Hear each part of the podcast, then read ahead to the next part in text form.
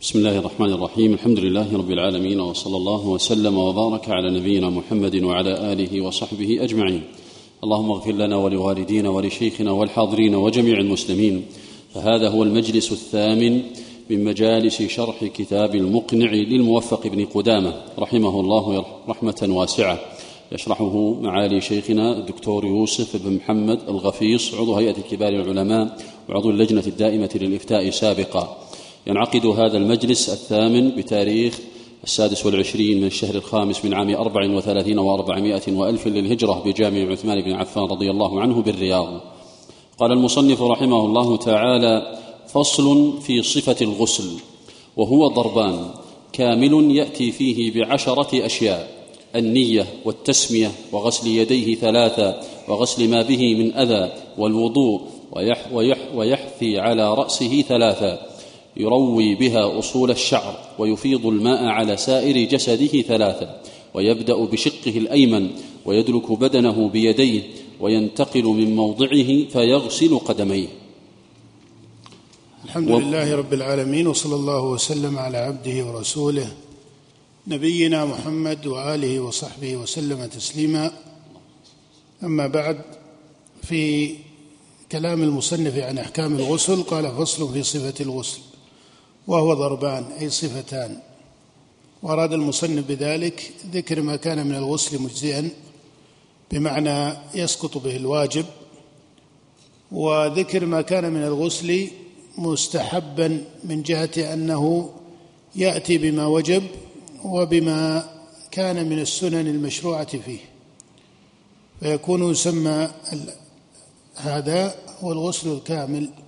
والغسل الكامل ما أتى فيه بما وجب وأتى فيه بما شرع من المستحب. وإذا اقتصد على ما وجب سمي الغسل المجزئ. قال وهو ضربان كامل أي يأتي فيه بالسنن والواجب. وقال المصنف يأتي فيه بعشرة النية بعشرة أشياء النية والتسمية والنية واجبة. والنية واجبة والتسمية مستحبة. قال وغسل يديه ثلاثا وهذا مما يستحب. وغسل ما به من أذى أي يزيل ما به من أذى. وهذا إن كان في النجاسة فإنه واجب وإن كان في دونها فإنه يكون مستحبا كالمني. والوضوء والوضوء هذا إنما يكون قبل أن يفيض الماء على جسده. ودل على ذلك حديث عائشة رضي الله تعالى عنها أن النبي صلى الله عليه وسلم إذا اغتسل غسل يديه وتوضأ وضوءه للصلاة. وظاهر حديث عائشة رضي الله عنها أن الوضوء يكون قبل الغسل وهذا هو الصريح في حديث عائشة. وإن كان في حديث ميمونة ما يقتضي آه، بنوع من الدلالة وإن لم تكن صريحة كدلالة حديث عائشة أن الوضوء قد يتأخر فإن في حديث ميمونة أن النبي تأخر وغسل قدميه. فأخذ منه بعضهم أن الوضوء يكون بعد الغسل أن الوضوء يكون بعد الغسل. والذي عليه جمهور أهل العلم وهو الأظهر أن السنة أن يكون الوضوء قبل السنة أن يكون الوضوء قبل ذلك.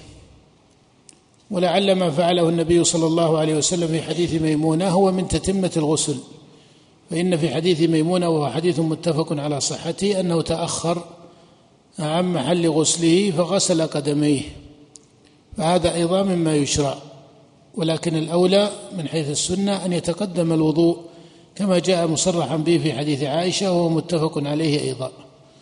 نعم. قال ويحثي على رأسه ثلاثا يروي بها أصول الشعر وهذا أيضا مما يستحب فعله ثلاثا مما يستحب. ويفيض الماء على سائر جسده ثلاثا وكونه ثلاثا مما يستحب. ويبدأ بشقه الأيمن ويدلك بدنه بيديه وينتقل من موضعه فيغسل قدميه. هذا كله مما يستحب. نعم. ثم ذكر المصنف الغسل المجزئ والأصل في الغسل الكامل ما جاء في حديث عائشة وحديث ميمونة وغيرهما. نعم. ومجزئ وهو أن يغسل ما به من أذى وينوي ويعم بدنه بالغسل. والمجزئ هو أن يغسل ما به من أذى وينوي ويعم بدنه بالغسل. يعم بدنه بالغسل أي يغسل بدنه سائر بدنه سواء بدأ بمقدم رأسه أو غير ذلك وسواء بدأ باليمين قبل اليسار أو خلاف ذلك. فإنما يكون إذا خالف ما شرع ترك سنة. وهذا يكفي فيه ما ذكره المصنف وهو الغسل المجزئ وبهذا يصح تصح صلاته. وهذا مجمع عليه بين العلماء. هذا مجمع عليه بين العلماء. نعم. ويتوضأ بالمد ويغتسل بالصاع فإن أسبغ بدونهما أجزأه. قال المصنف ويتوضأ بالمد ويغتسل بالصاع. هذا عملا بما جاء عن النبي صلى الله عليه وسلم أنه يتوضأ بالمد ويغتسل بالصاع ويغتسل بالصاع صلى الله عليه وسلم إلى خمسة أمداد فيزيد على الصاع فيزيد على الصاع شيئا. وهذا الاغتسال الذي ذكره المصنف جاء من حديث أنس رضي الله تعالى عنه وهو حديث متفق عليه كان النبي يتوضأ بالمد ويغتسل بالصاع إلى خمسة أمداد. وجاء في حديث جابر بن عبد الله رضي الله عنهما وهذا باعتبار المشروع. وأراد به المصنف ألا يسرف. وأراد به المصنف ألا يسرف. فإن كان لزيادته على ذلك مقصود معتبر في الشريعة كالنظافة ونحوها فهذا لا يكون من باب الإسراف. هذا لا يكون من باب الإسراف. نعم.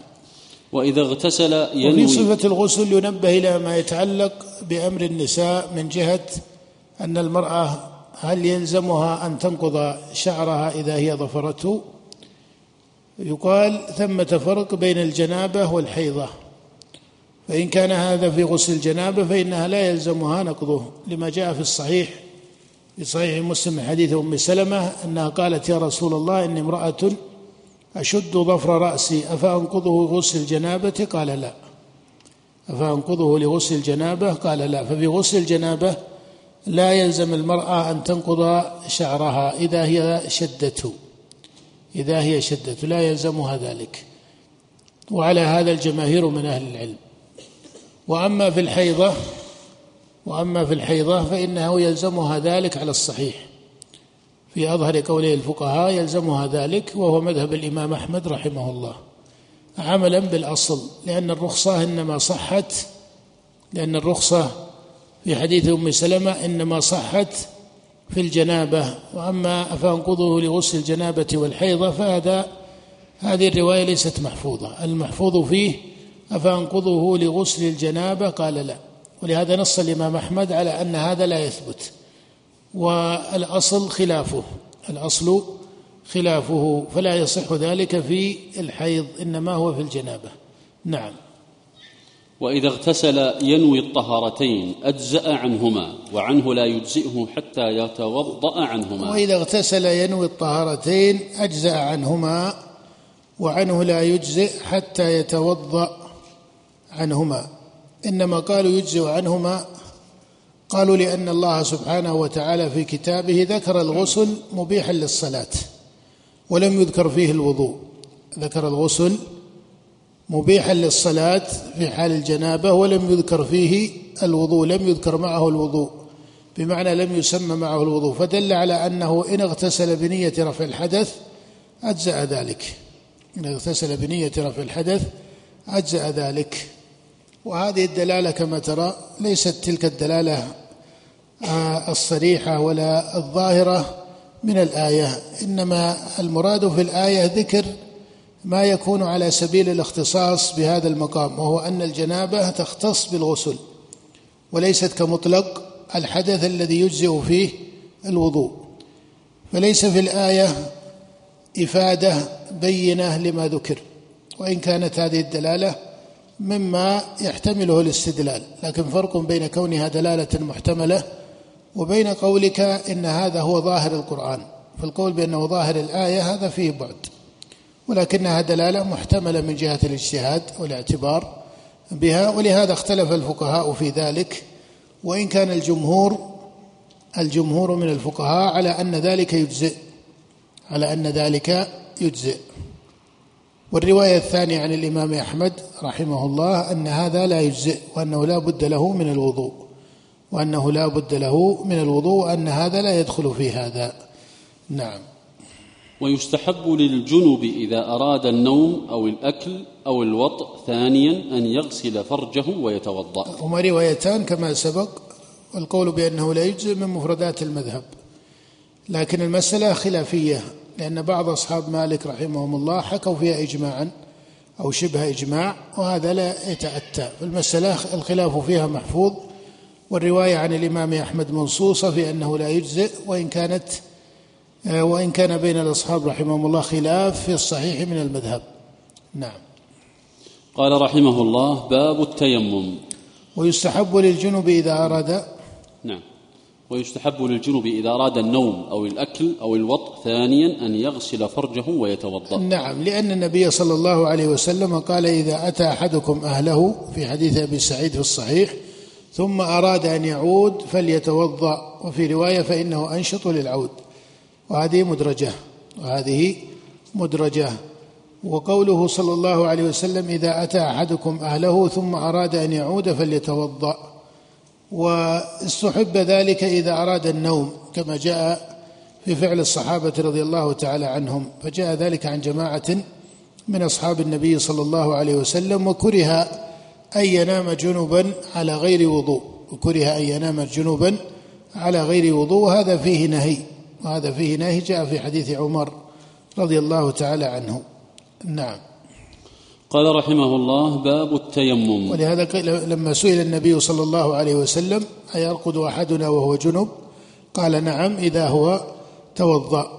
فإذا توضأ صح نومه ولو كان على جنابه كما جاء عن النبي صلى الله عليه وسلم في الصحيحين وغيرهما. ولهذا كره أن ينام على غير وضوء. نعم. قال رحمه الله باب التيمم.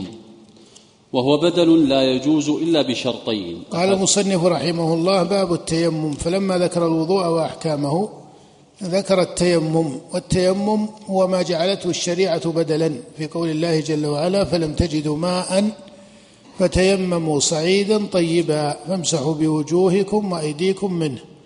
فذكر الله التيمم في سورة النساء وفي سورة المائدة وهو من رخص الشريعة وتيسيرها وشرعه النبي صلى الله عليه وسلم وجعلت له الأرض مسجدا وطهورا وجعلت له الأرض مسجدا وطهورا وذكر ذلك في خصائصه عليه الصلاة والسلام كما جاء في حديث أبي هريرة وحديث جابر رضي الله عنهما في ذكر ما أوتي النبي صلى الله عليه وسلم وفضل به قال فضلت على الأنبياء بخمس وذكر مما فضل على الأنبياء أنه جعلت له الأرض مسجدا وطهورا. نعم. قال وهو بدل. ومراد الفقهاء بكونه بدلا أنه لا يرفع الحدث. أنه لا يرفع الحدث وإنما هو مبيح وبدل عن الوضوء. فهو بدل مبيح وليس برافع. فلا يصح مع القدرة على الوضوء. إنما هو بدل عنه ومن مقصودهم بكونه بدلا هنا أنه يكون مبيحا وليس رافعا وعلى هذا الجماهير من أهل العلم. وهذه مسألة خلافية ويترتب على هذا الخلاف ثمرة وفروع هل التيمم مبيح أم رافع؟ هل التيمم مبيح أم رافع؟ مبيح أي مبيح لما لا يصح إلا بالوضوء كالصلاة وقراءة القرآن من المصحف مس المصحف. فهل التيمم مبيح لذلك أم أنه يرفع الحدث؟ هذا فيه قولان مشهوران للفقهاء فيه قولان مشهوران للفقهاء. والذي عليه جماهيرهم وهو صريح مذهب الإمام أحمد رحمه الله أن التيمم مبيح وليس برافع. وهذا القول عليه الجمهور وهو مذهب الإمام أحمد ومالك والشافعي خلافا لأبي حنيفة. وهذا المذهب هو الأظهر ويترتب عليه فروع يترتب على ذلك فروع كما سيأتي.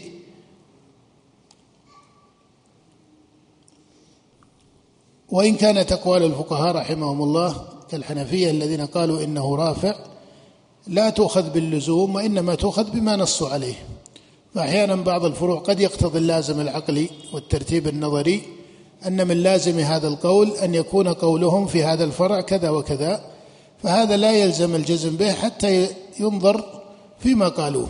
فأحيانا لا يسلمون بأن هذا من لازمه وقد يخرجونه عن الأصل لموجب عندهم ونحو ذلك. إنما المقصود أن الخلاف في هذا مشهور وإن كان الجمهور على أنه مبيح وهو الراجح. أن التيمم مبيح ودلت على هذه الأحاديث.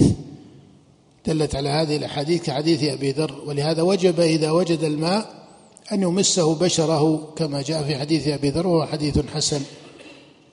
فدل على أن التيمم مبيح وليس برافع لأنه لو كان رافعا للحدث لو كان رافعا للحدث لكان كالماء. أليس كذلك؟ فإذا وجد الماء لا يلزمه أن يستعمله. ولكن هذا خلاف ظاهر السنة. هذا خلاف ظاهر السنة. فإذا الراجح أن التيمم مبيح وليس برافع. نعم. فلا قال يجوز وهو بدل لا يجوز إلا بشرطين. أحدهما دخول الوقت فلا يجوز لفرض قبل وقته ولا لا يجوز لفرض قبل وقته ولا لنفل في وقت النهي عنه. فإذا كان محتاجا إلى التيمم لصلاة الظهر لا يجوز له أن يتيمم من الضحى حتى يدخل وقتها أي وقت الظهر فيجوز له التيمم بعد دخول الوقت ولا لنفل في وقت النهي عنه كتيممه لنافلة كتيممه لنافلة الضحى في وقت النهي عنها. نعم. الثاني العجز عن استعمال الماء لعدمه. قال الثاني العجز عن استعمال الماء لعدمه. العجز عن استعمال الماء إما أن يكون عجزا حسيا وهو قول الله جل وعلا فلم تجدوا ماء وهو قول الله جل وعلا فلم تجدوا ماء وعدم الوجود إما أن يكون الوجود الحسي أنه فاقد للماء أو الوجود عدم الوجود الحكمي وهو أن يكون واجدا للماء لكنه لا يستطيع أن يستعمله لا يستطيع أن يستعمله لكونه مضرا به أو لنحو ذلك من الموجبات. فهذا داخل في عدم وجود الماء أو فيما سماه الفقهاء العجز عن استعماله. نعم. لعدمه أو لضرر في استعماله من جرح أو برد شديد أو مرض يخشى زيادته أو تطاوله أو عطش يخافه على نفسه أو رفيقه أو بهيمته أو خشية على نفسه أو ماله في طلبه. نعم كل هذه من أوجه العجز إما الحسي أو الحكمي. إما الحسي أو الحكمي. نعم. أو تعذره إلا بزيادة كثيرة على ثمن مثله أو ثمن يعجز عن أدائه. نعم إذا زاد ثمن الماء زيادة فاحشة فإنه لا يلزمه أن يشتريه. وأما إذا كانت زيادة معتادة ومغتفره عادة فإنه يعتبر واجدا للماء لا يصح له التيمم بل يجب عليه شراؤه. نعم. فإن كان بعض بدنه جريحا تيمم له وغسل الباقي قال المصنف فإن كان بعض بدنه جريحا تيمم له وغسل الباقي وهذا هو الذي ذهب إليه الإمام أحمد والشافعي خلافا لمالك وأبي حنيفة. والراجح أنه يجمع بين الغسل لبعض البدن والتيمم عن بعضه. فإنما وجب فإنما كان بريئا ويستطيع أن يغسله بالماء يجب غسله بالماء من أعضائه ومن جسده. وما كان ليس كذلك كمحل جرحه فإنه يتقي ذلك ويتقيه بالتيمم. والجمع بينهما هو ظاهر السنة وهو مذهب الإمام أحمد خلافا لمالك وأبي حنيفة. نعم. وإن وجد ماء يكفي بعض بدنه لزمه استعماله وتيمم للباقي إن كان جنبا. وإن كان محدثا فهل يلزمه استعماله وكذلك إن وجد ما يكفي بعضه كما لو كان جريحا فإن حاله تكون كذلك. فذكر المصنف مسألة الجريح ثم ذكر بعد ذلك من لم يكن جريحا ولكن الماء الذي بين يديه لا يكفي إلا لغسل بعض جسده. كما لو كان الماء يسيرا لا يكفي إلا لغسل شقه الأيمن مثلا فالمصنف يقول إنه يغسل به شقه الأيمن ويتيمم لما بقي. وهذا أيضا هو الراجح أنه يستعمل الماء بقدر الطاقة ويتيمم لما بقي. نعم. وإن كان محدثا فهل يلزمه استعماله على وجهين؟ كذلك وإن كان محدثا فهل يلزمه استعماله على وجهين؟ الراجح أنه يستعمله.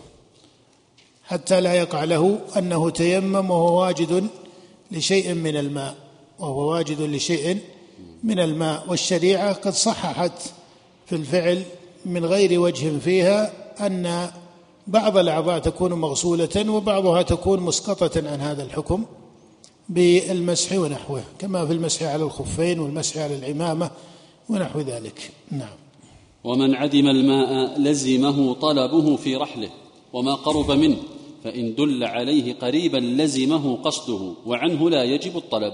نعم. عن الإمام أحمد رحمه الله روايتان في أنه هل يجب عليه طلب الماء أو لا يجب؟ والمشهور من المذهب وهو الراجح في مذهب الإمام أحمد رحمه الله أن طلب الماء لا بد منه. وبعض الأصحاب يعبر عنه بأنه واجب وبعضهم يعبر عنه بأنه شرط. وهذا هو الأصل في قول الله جل وعلا فلم تجدوا ماء فإنه لا يسمى عادما للماء إلا إذا طلبه الطلب المعتاد ثم لم يجده. فإن القادر عليه حكما كالقادر عليه حسا. فإن القادر عليه قدرة حكمية كالقادر عليه قدرة حسية.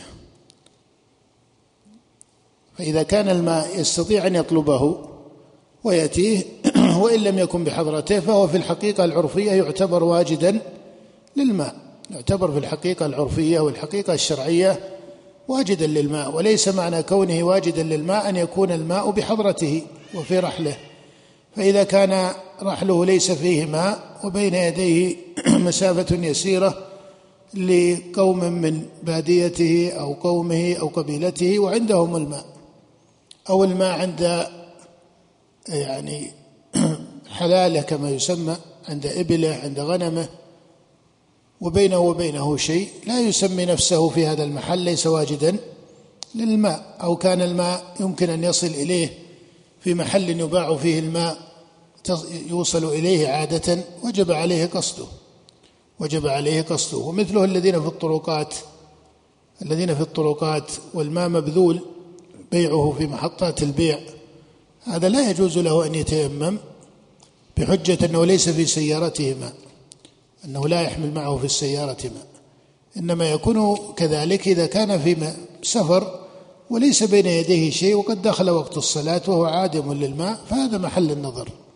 هذا محل النظر. أما في الطرق المبذولة فلا يصح الترخص بمثل ذلك لأنه بين يديه. إنما بينه وبينه شيء يسير من الزمان. يصل إليه عشر دقائق ربع ساعة نص ساعة ثم يصل إلى هذا المحل الذي فيه الماء. فهذا لا يسمي نفسه فاقدا للماء. نعم.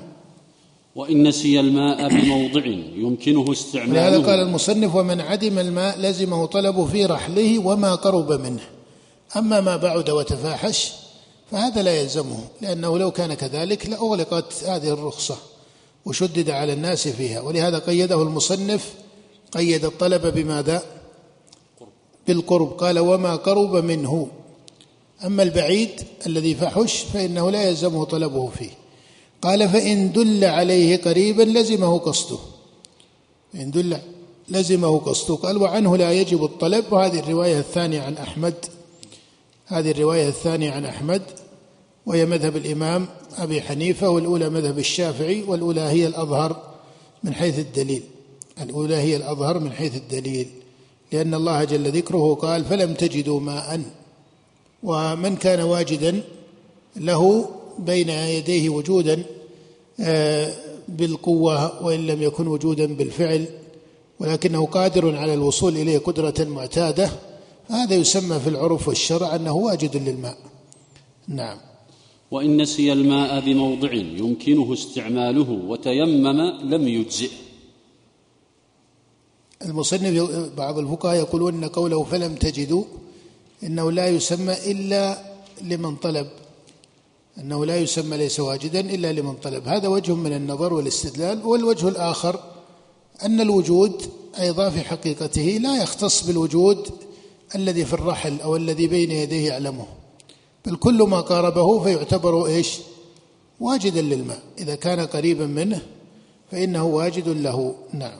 ولهذا هذه مسألة فيما يظهر لي أنها بينة من حيث الدليل. فلا ينبغي التساهل فيها لأن بعض العامة يقفون على عرض الطريق وبين يديهم من محطات البيع ما بينهم وبينها إلا مسافة يسيرة دقائق أحيانا أو زمن يسير ولا يقصدون إلى الماء الذي فيها مع أنه مبذول. في الغالب أنه ليس بثمن يوجد فيها المصليات والمساجد ومع ذلك يتيمم بحجة أنه ليس في سيارته ماء وهذا لا يصح. نعم نعم.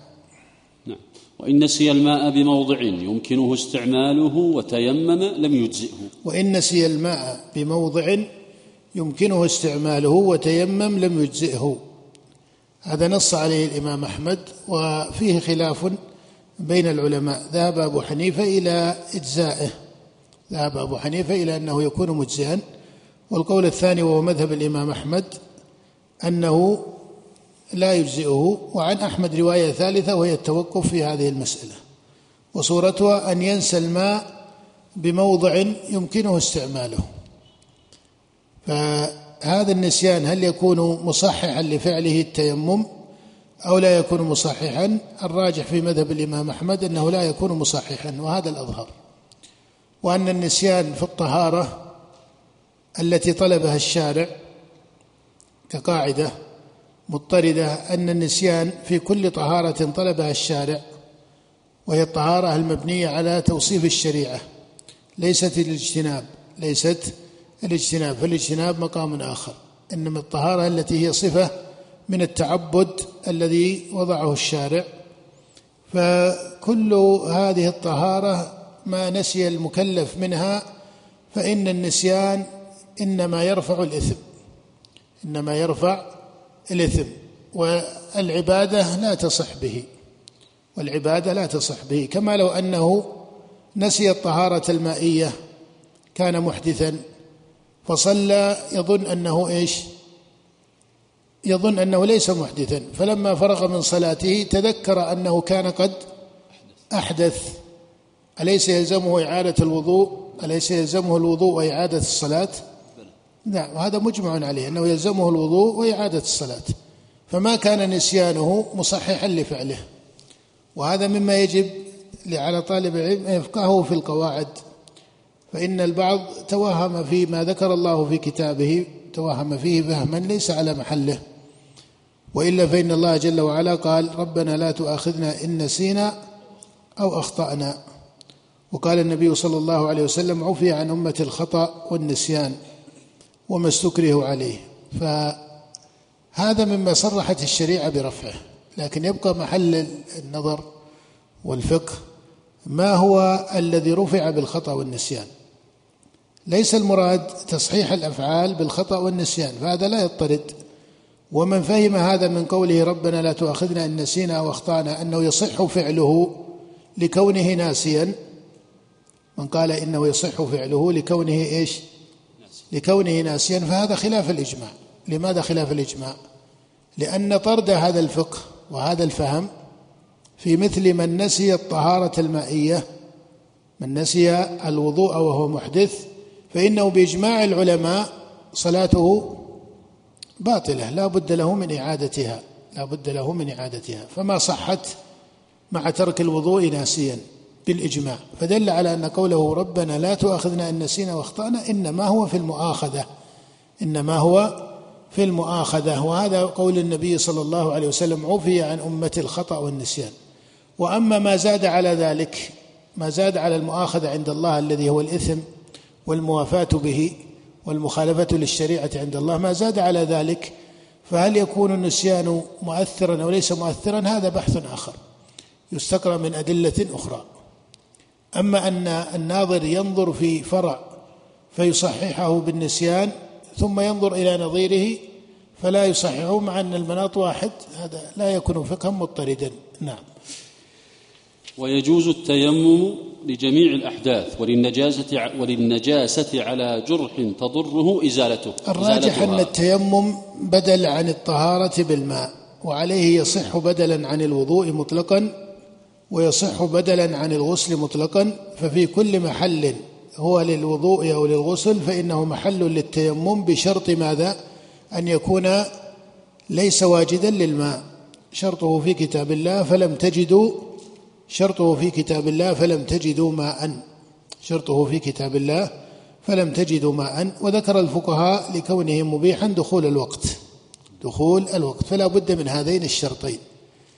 وما عدا ذلك فالراجح أنه ليس بمشترط وإلا فإن بعض الفقهاء لهم كلام في التيمم حال الحضر وفرقوا بين حال الحضر وحال السفر وفهموا من ظاهر الآية أن التيمم إنما هو في السفر والراجح أن التيمم يكون في الحضر ويكون في السفر وليس هو من خصائص السفر. وليس هو من خصائص السفر إنما هو بدل وضعته الشريعة ورخصة من الله لعباده لمن لم يجد الماء كما هو صريح في كتاب الله فلم تجدوا ماء فتيمموا صعيدا طيبا. نعم. ويجوز التيمم لجميع الأحداث وللنجاسة وللنجاسة على جرح تضره إزالتها. نعم كذلك. أن التيمم يكون عن الأحداث وعن النجاسة لأن اجتناب النجاسة شرط لصحة الصلاة. أليس كذلك؟ فإذا كانت النجاسة على جرح تضره أي المكلف إزالة النجاسة من جرحه ساغ له التيمم. نعم. وإن تيمم للنجاسة لعدم الماء وصلى فلا إعادة عليه إلا عند أبي الخطاب. فلا إعادة عليه إلا عند أبي الخطاب من الأصحاب. والراجح ما عليه الجماهير.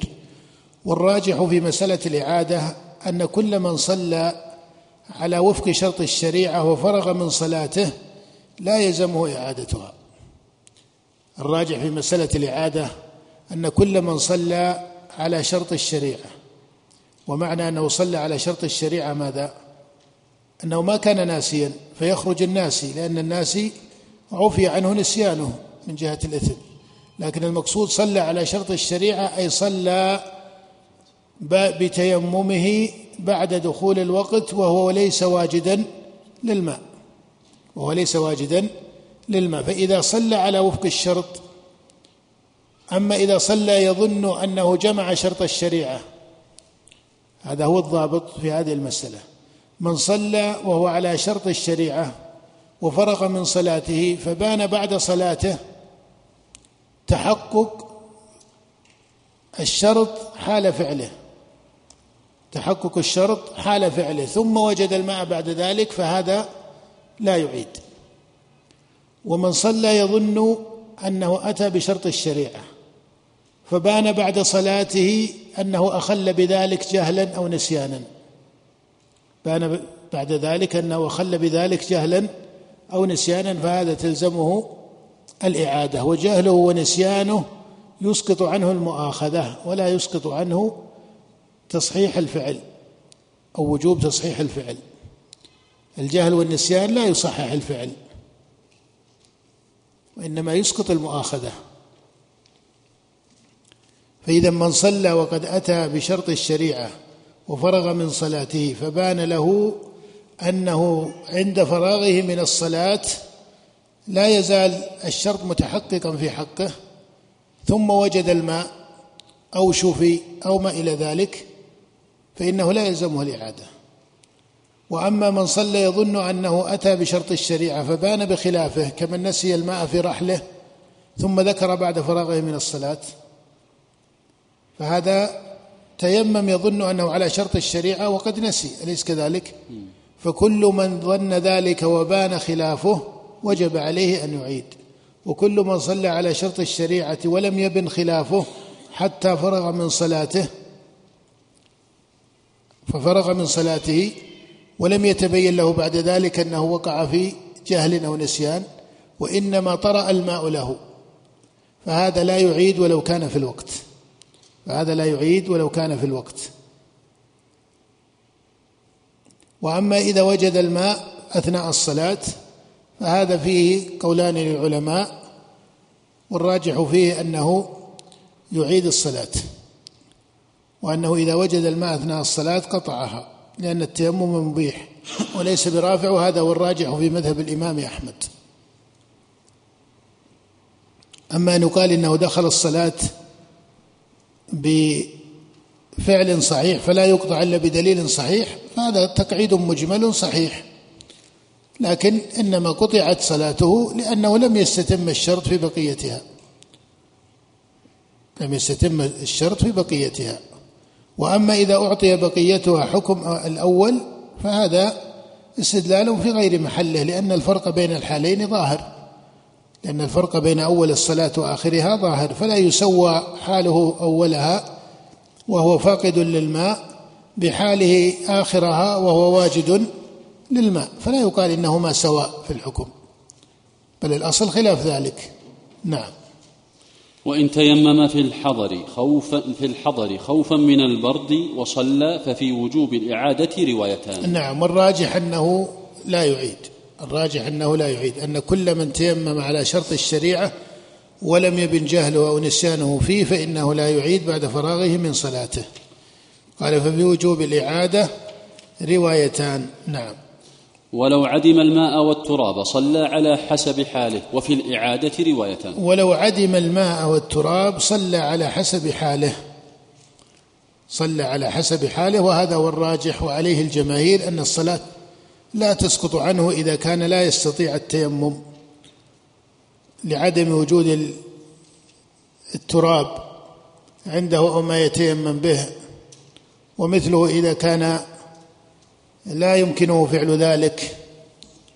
إذا كان لا يمكنه فعل ذلك فإنه يجب عليه الصلاة والصلاة لا تسقط بحال. الصلاة لا تسقط بحال. نعم. ولا يجوز التيمم إلا بتراب طاهر له غبار يعلق باليد. هذه من أشهر مسائل الخلاف في التيمم وأشهر ما اختلف فيه التيمم مسألتان. أشهر ما اختلف فيه التيمم أشهر ما اختلف فيه في التيمم عند الفقهاء مسألتان هل التيمم مبيح أو رافع؟ وهذه لها فروع. والمسألة الثانية بما يكون التيمم. فالحنابلة يقولون وهو قول كثير من الفقهاء قال المصنف ولا يجوز التيمم إلا بتراب طاهر له غبار يعلق باليد. أخذوا ذلك من قوله جل وعلا فتيمموا صعيدا طيبا. وقول النبي صلى الله عليه وسلم وجعلت, وجعلت تربتها لنا طهورا وجعلت تربتها لنا طهورا. وهذا قول طائفة من السلف والخلف أن التيمم يكون بالتراب. وفي المسألة أقوال للفقهاء أو لها بعضهم إلى بضعة أقوال سبعة أقوال أو تزيد فيما يصح به التيمم. والخلاف فيها بين أئمة السلف مشهور فلأبي حنيفة فيها قول بخلاف ذلك وللأوزاعي طريقة ولإسحاق طريقة. فالخلاف في هذه المسألة من الخلاف المشهور. وإذا نظرت في قول الله جل وعلا فلم تجدوا ماء فتيمموا صعيدا طيبا فالآية ليست نصا في التراب. فالآية ليست نصا في التراب وإنما هي في الصعيد. والصعيد على الراجح لا يختص بالتراب. وأما قوله وجعلت تربتها لنا طهورا فهذا باعتبار أن هذا الاسم يطلق بالغلبة على ما على الأرض وليس يراد به المعنى الأخص الذي هو التراب الذي يفارق الرمل والحجارة ونحو ذلك. وتوسع بعض العلماء رحمهم الله وقالوا كل ما كان صاعدا على الأرض من غير فعل الآدمي فجوزوا التيمم على الشجر ونحو ذلك. فجوزوا التيمم على الشجر ونحو ذلك. قالوا كل ما نبت على الأرض فإنه كالأرض. فيجوز التيمم على الشجر ونحو ذلك. على ورق الشجر وعلى سطح الشجر وما ينبت عليها. والأظهر في هذه المسألة وإن كان الخلاف فيها كثيرا الخلاف فيها كثير ومذهب مالك فيه واسع كذلكم الأوزاعي وإن كان بين طريقة مالك والأوزاعي بعض الفرق. الأظهر في هذه المسألة أن كل ما كان أرضا معتادة صح التيمم به. أن كل ما كان أرضا معتادة فإنه يصح التيمم به. لأن النبي صلى الله عليه وسلم قال وجعلت لي الأرض مسجدا وهذه الرخصة جعلها الله للمسلمين كافة وأتباع النبي صلى الله عليه وسلم والأصل في دعوته أنها لجميع البشر لجميع بني آدم. وأنت تعلم أن الأرض مختلفة الحال أن الأرض المعتادة مختلفة الحال فأقاليم منها فيها التراب وأقاليم منها فيها الرمل وأقاليم منها فيها الحجارة وهلم جرا فكل ما كان أرضا معتادة كل ما كان أرضا معتادة فإنه يصح التيمم به. كل ما كان أرضا معتادة صح التيمم به. وهذا مبني في الحقيقة أيضا على مسألة قد لا تكون من اختصاص الفقيه وهو أنه هل تنفك الأرض المعتادة عما يقصده الفقهاء بكلمة التراب؟ هذا أيضا محل بحث. فإن الرمل يخالطه شيء من ذلك ولا بد. والحجارة يخالطها شيء من ذلك ولا بد. وإن كان لا يتمحض أنه التراب الذي يقصده الفقهاء. لكن تجد أن مادته يخالطها شيء من ذلك. فهذا من حيث التحقيق أيضا في في ماهية هذا الشيء هل هو متأتي أو ليس متأتي. لكن على كل تقدير على كل تقدير فإنهم يقولون الحجارة مع أنك لا ترى في الأرض حجارة يعني ملساء صافية لا يخالطها شيء من مادة التراب. هذا يكاد يكون غير متأتي إلا في مواضع مقصودة لكن كصفة لأرض أو لإقليم بعامة لا ينفك عما هو من التراب. الحجارة لا تنفك عما هو من التراب. على مقصودهم بالتراب آه، في كلامهم. المقصود هنا أن ما كان أرضا معتادة صح التيمم به لعموم قول الله جل وعلا فلم تجدوا ماء فتيمموا صعيدا طيبا فذكر في القرآن مطلقا. وما قيد إلا بكونه إيش؟ ما قيد إلا بكونه إلا إلا بكونه طيبا. فتيمموا صعيدا طيبا. وهذا الوصف أنه طيب ليس راجعا إلى ماهية اختلاف أقاليم الأرض. من جهة كونه ترابا أو رملا فإنك لا تستطيع أن تقول إن الطيب هو ما كان إيش؟ ترابا وما كان رملا لا يسمى طيبا. أليس كذلك؟ فالوصف الذي ذكر هنا دل على أنه إغلاق للمقصود. دل على أنه إغلاق للمقصود. ولهذا أخذ من الفقهاء أن يكون طاهرا أن يكون طاهرا مباحا أن يكون طاهرا مباحا لأنه هو الطيب. في قول الله تعالى فلم تجدوا ماء فتيمموا صعيدا طيبا. فالطيب هو المباح الطاهر والمباح الطاهر. وما بعد ذلك فكل ما كان صعيدا أي أرضا معتادة أي أرضا معتادة. وفيما يظهر لي أن هذا وصف مناسب وهو شبيه بقول كثير من السلف أو بما عبر عنه كثير من السلف كمالك في إحدى الروايتين والإمام الأوزاعي وجملة من العلماء رحمهم الله. ويخرج عن ذلك الشجر وما في معناه. مما اتصل بالأرض وليس منها لا يسمى أرضا فإن الشجر لا يسمى أرضا. ولهذا اختلف العلماء إذا باع الأرض هل يدخل فيها الشجر وما عليها أو لا يدخل أليس كذلك؟ ومن يدخل ذلك فيجعلونه من باب التبع. فهذا بدهي في العرف والشرع أنه ليس أرضا فلا يكون كذلك.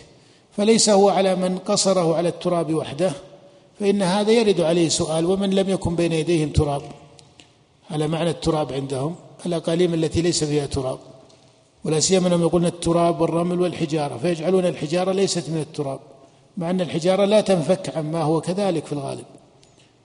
وهي مركبة في كثير من الحال من شيء من ذلك بمعنى أنه يخالطها يخالطها التراب ويقع بين جنباتها التراب ويغطيها بفعل الرياح وحركة الرياح أجزاء كثيرة من التراب. فلا تأتي حجارة مصمتة لا تأتي حجارة مصمتة لا يخالطها شيء من التراب ويغطيها شيء من التراب. نعم. فإن خالطه ذو غبار ذو غبار لا يجوز التيمم به كالجص ونحوه فهو كالماء إذا خالطته الطهارات. نعم الجص لا يصح التيمم به لأنه ليس أرضا معتادة والملح كذلك لأنه ليس أرضا معتادة وهو معدن منفصل وهو معدن منفصل. فمثل هذه الأشياء كالجص والملح هذه لا يصح التيمم بها لأنها ليست أرضا معتادة وهي في حكم المنفصل عن الأرض. نعم. قال رحمه الله فصل وفرائض التيمم أربعة. مسح قال جميع رحمه الله فصل وفرائض التيمم أربعة. أي فروض التيمم كما سبق أن ذكر فروض الوضوء. كما سبق أن ذكر فروض الوضوء أي ما لا بد منه في التيمم. قال مسح جميع وجهه. فلا بد من استيعاب الوجه بالمسح. وإن كان صفة المسح ليست هي كاستيعاب الغسل فالغسل لا يعفى عن شيء منه البتة أما المسح فالمقصود الإمرار على جميع الوجه. لكن ليس بالضرورة أن أصابعه أو كفه تنال كل جزء من وجهه. نعم. إنما أراد رحمه الله أنه لا يأتي على جزء منه فلا يقصد إلى أسفله أو إلى أعلاه فحسب. نعم.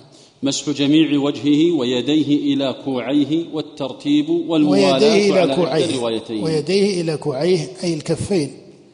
أي الكفين فحسب والمراد بالكوع كما هو معروف العظم الذي يلي الإبهام من اليد.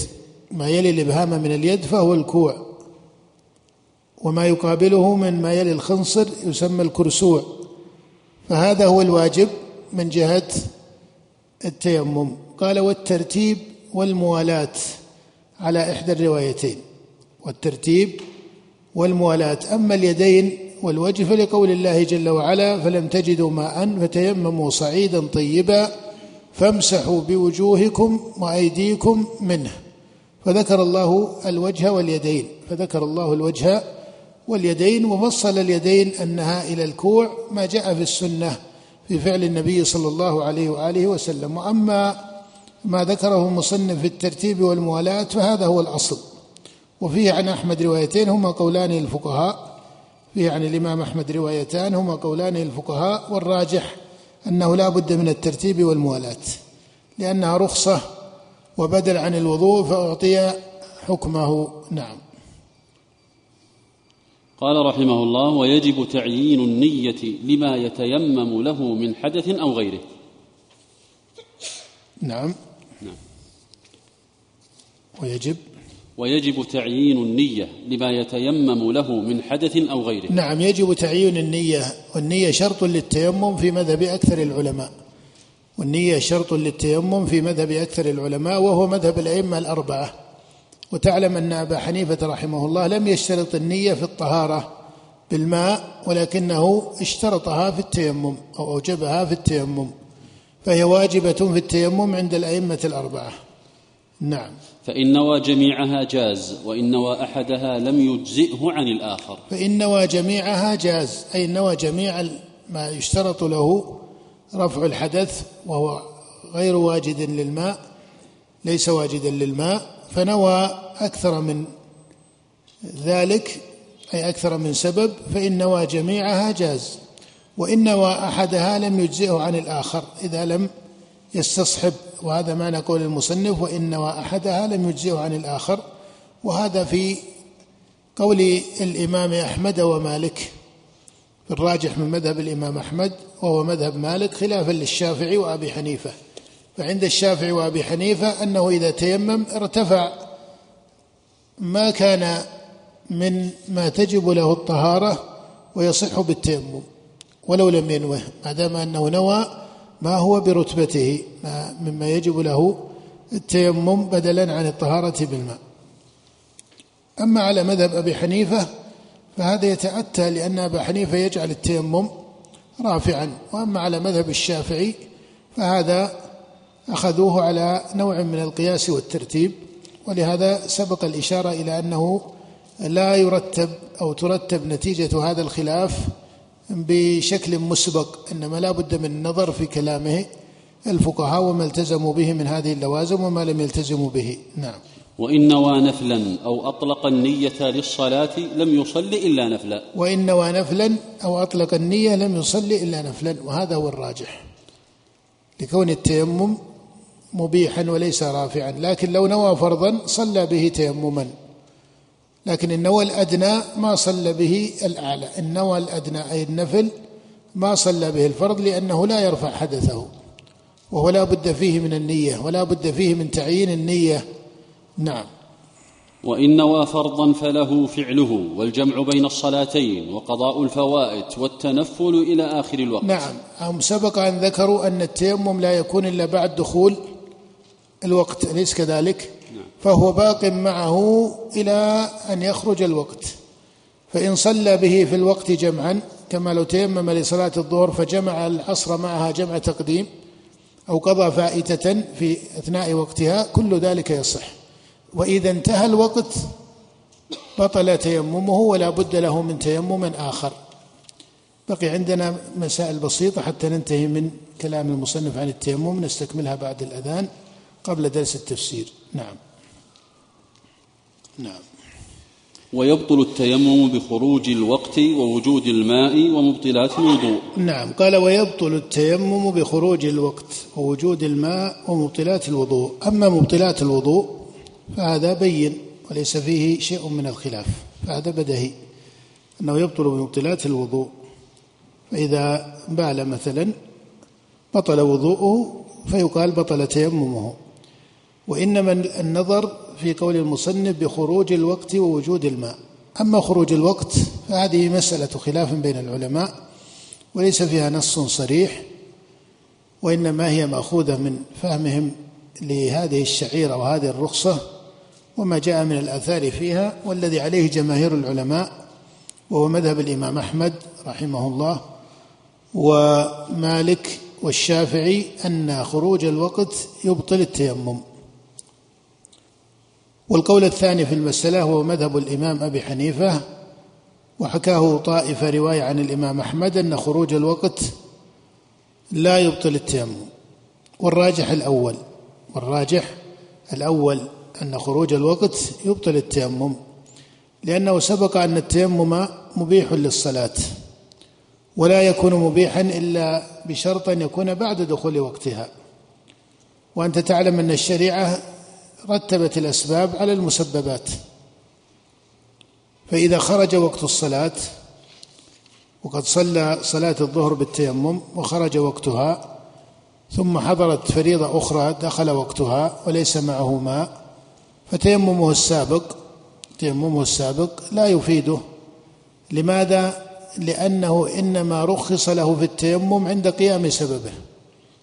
إنما رخص له في التيمم عند قيام سببه. وفي الفريضة إنما يكون سببها قد قام إذا دخل وقتها لأنها قبل الوقت لا يصح فعلها. قبل الوقت لا يصح فعلها. ومن طرد القول بأنه ومن طرد القول بأن خروج الوقت لا يبطل التيمم أنه يصح. ماذا؟ أنه يصح قبل دخول الوقت. من طرد ذلك أنه يصح قبل دخول الوقت. إذا قلت إنه لا يكون خروج الوقت مبتلا التيمم لزم من ذلك القول بأنه يصح قبل دخول الوقت وهذا فيه بعد. ومبنى ذلك أن العبرة بقيام السبب فقبل دخول وقت الفريضة ما قام سببها لأنها لو فعلت قبل دخول وقتها ما إيش؟ ما صحت إلا لو كان الشارع قد رخص في جمعها ولهذا صححوا الجمع في الوقت الواحد بتيمم واحد. في المذهب وقول الجمهور صححوا التيمم الواحد تجمع به الصلاة مع الصلاة التي تجمع إليها في وقت أحدهما. لكن إذا خرج وقتها فهو كالمس على الخفين.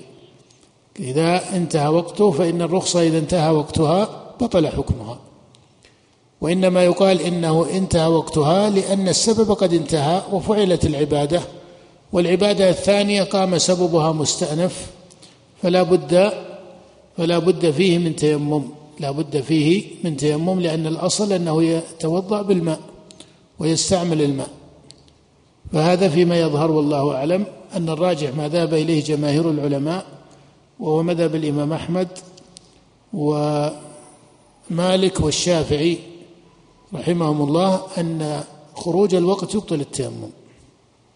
لأن من صحح ذلك فقد صحح التيمم قبل قيام سببه صحح الرخصة قبل قيام سببها وسببها هو فعل الصلاة الفريضة. والفريضة لا يكون سببها قد قام قبل دخول وقتها لأن فعلها قبله لا يصح. فعل الفريضة قبل دخول وقتها لا يصح. فما قام السبب المرخص؟ هذا مأخذ المسألة أنه لم يقم السبب المرخص. وهذا النوع من المسائل أن التيمم مبيح وأن خروج الوقت فيه يبطل التيمم ومثله ما سبق في مسائل مسح الخفين. ربما أعتيد في هذا العصر أن الترجيح كثر على خلاف ذلك. على بعض التقعيد البسيط الذي صار الكثير يستعملونه أن الأصل صحة التيمم فلا يبطل إلا بدليل ولا يوجد دليل. أن كذا ولا يوجد دليل ولا يوجد دليل. وهذا فيه نوع من التحكم لأن نفي الدليل هذا فيه نوع من التحكم لأن نفي الدليل هذا هو محل النزاع.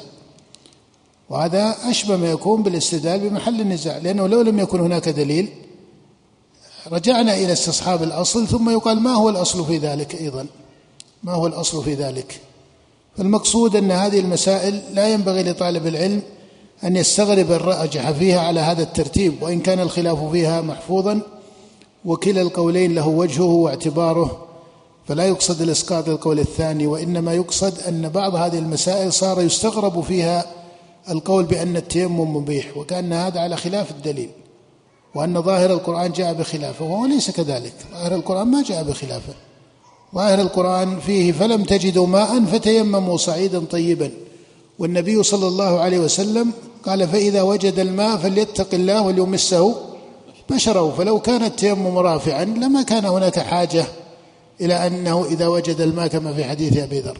فظاهر السنة بين في أن التيمم مبيح وليس برافع ويرتب عليه هذه الأحكام.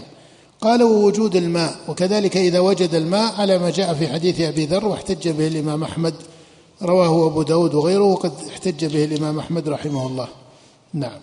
قال الشيخ رحمه الله فإن تيمم وعليه ما يجوز المسح عليه ثم خلعه لم يبطل تيممه. لم يبطل تيممه. يبطل. نعم لم يبطل تيممه. في أحد القولين في مذهب الإمام أحمد لأنه لم يكن فرضه الغسل بالماء خلافا لما قالوه في الطهارة المائية. وإن وجد الماء وإن وجد الماء بعد الصلاة لم تجب إعادتها. لم تجب إعادتها وهذا سبق أنه إذا وجد الماء بعد خروج الوقت وقد صلى بالتيمم فإذا كان هذا بعد خروج الوقت فالإجماع منعقد على أنه لا يلزمه الإعادة. وأما إذا كان في الوقت فهذا فيه بعض الخلاف والراجح فيه ما سبق أنه إن تيمم على شرط الشريعة ولم يبن خلافه فإنه لا يجب عليه أن يعيد. وإن تيمم على ما ظنه كذلك فبان خلافه وجب عليه أن يعيد في الوقت أو بعده. نعم. وإن وجده فيها بطلت وعنه لا تبطل. وإن وجده فيها بطلت هما روايتان عن الإمام أحمد قولان للفقهاء والراجح أنه إن وجد الماء أثناء الصلاة بطلت ويجب عليه أن يستأنف الطهارة والصلاة. نعم. ويستحب تأخير التيمم إلى آخر الوقت لمن يرجو وجود الماء. استحب ذلك طائفة من الأصحاب وهو مذهب مالك رحمه الله والقول الثاني عدم استحباب ذلك. والقول الثاني عدم استحباب ذلك وإنما وجه الاستحباب لعله يكون واجدا للماء فيكون آخذا بالفاضل فإن استعمال الماء هو الفاضل في الأصل.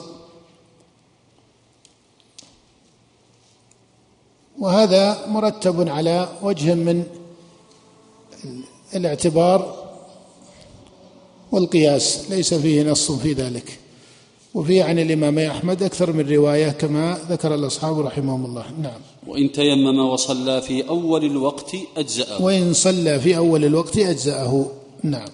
والسنة في التيمم أن ينوي ويسمي ويضرب بيديه مفرجتي الأصابع على التراب ضربة واحدة فيمسح فيمسح نعم السنة أن ينوي أصابعه وكفيه براحتيه. نعم السنة أن ينوي ويسمي والنية شرط أو واجب على ما سبق والتسمية مستحبة ويضرب بيديه مفرجتي الأصابع على التراب ضربة واحدة وهذا محل خلاف بين العلماء هل التيمم ضربتان أم ضربة واحدة؟ والصحيح في مذهب الإمام أحمد أن التيمم ضربة واحدة وهذا هو ظاهر السنة كما جاء في حديث عمار رضي الله عنه. الصحيح قال بعثني رسول الله صلى الله عليه وسلم في حاجة فأجنبت فلم أجد الماء فتمرغت بالصعيد كما تمرغ الدابة ثم أتيت النبي صلى الله عليه وسلم وذكرت ذلك له فقال إنما كان يكفيك أن تقول هكذا ثم ضرب بيده الأرض ضربة واحدة ومسح الشمال على اليمين وظاهر كفيه ووجهه. فهذا حديث عمار في الصحيح بين في أنه ضربة واحدة. ولا يصح في الضربتين حديث كما نص عليه الإمام أحمد وغيره من أهل الحديث. لا يصح في الضربتين حديث وأما حديث التيمم وضربتان فإنه حديث ليس بمحفوظ. بل قال الإمام أحمد إنه منكر. فلا يصح في التيمم أنه ضربتان لا يصح فيه حديث كما صرح به متقدم أو كثير من متقدم أهل الحديث كالإمام أحمد وغيره. والمعتبر فيه حديث عمار. لكنه لو تيمم بضربتين صح. لو تيمم بضربتين صح لأنه أتى بالمجزئ وإن كان هذا خلاف السنة. نعم. وقال القاضي المسنون ضربتان يمسح بأحدهما وقال القاضي المسنون ضربتان كما هو مذهب طائفة من العلماء منهم الشافعي ولكنه خلاف السنة. نعم. يمسح بإحداهما وجهه وبالأخرى يديه إلى المرفقين فيضع بطون أصابع اليسرى على ظهر أصابع اليمنى ويمرها إلى مرفقه ثم يدير بطن كفه إلى بطن الذراع ويمرها عليه ويمر إبهام اليسرى على ظهر إبهام اليمنى ويمسح اليسرى باليمنى كذلك ويمسح إحدى الراحتين بالأخرى ويخلل الأصابع. نعم هذا هو صفة التيمم على ما ذكر المصنف والراجح فيه عدم استحباب التخليل. نعم. ومن حبس في المصر صلى بالتيمم ولا إعادة عليه. ومن حسب حبس في المصر أي منع من الماء صلى بالتيمم ولا إعادة عليه.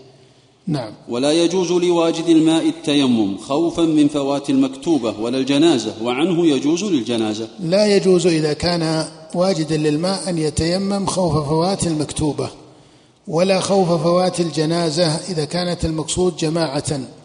المقصود جماعة وعنه يجوز للجنازة. اختار ذلك طائفة منهم ابن تيمية رحمه الله أنه إذا خشي أن ينصرف الإمام عن صلاة الجنازة ينتهي من صلاتها. لو ذهب يتوضأ فإنه يتيمم فإنه يتيمم ويدخل مع الإمام في صلاة الجنازة حتى لا تفوته. وهو خلاف الأصل. وهو خلاف الأصل كما ترى. وهو خلاف الأصل كما ترى. نعم. وإن اجتمع جنب وميت ومن عليها غسل حيض فبذل ماء يكفي أحدهما لأولاهما به. فهو للميت وعنه أنه للحي وأيهما يقدم فيه وجهان. وأيهما يقدم أي من عليها غسل حيض أو من عليه جنابة على هذه الرواية ولكن الراجح أنه للميت أن يقدم غسل الميت فيه لأن حق الميت فرض كفاية على المسلمين جميعا. نعم. فهو متعلق بمن وجده هو متعلق بمن وجده فيقدم الميت على الصحيح من مذهب الإمام أحمد. نعم. ولأن الحي مظنة خلاف ذلك أنه يجد الماء. نقف على هذا على قول المصنف رحمه الله باب إزالة النجاسة. وبالله التوفيق. صلى الله وسلم على عبده ورسوله نبينا محمد.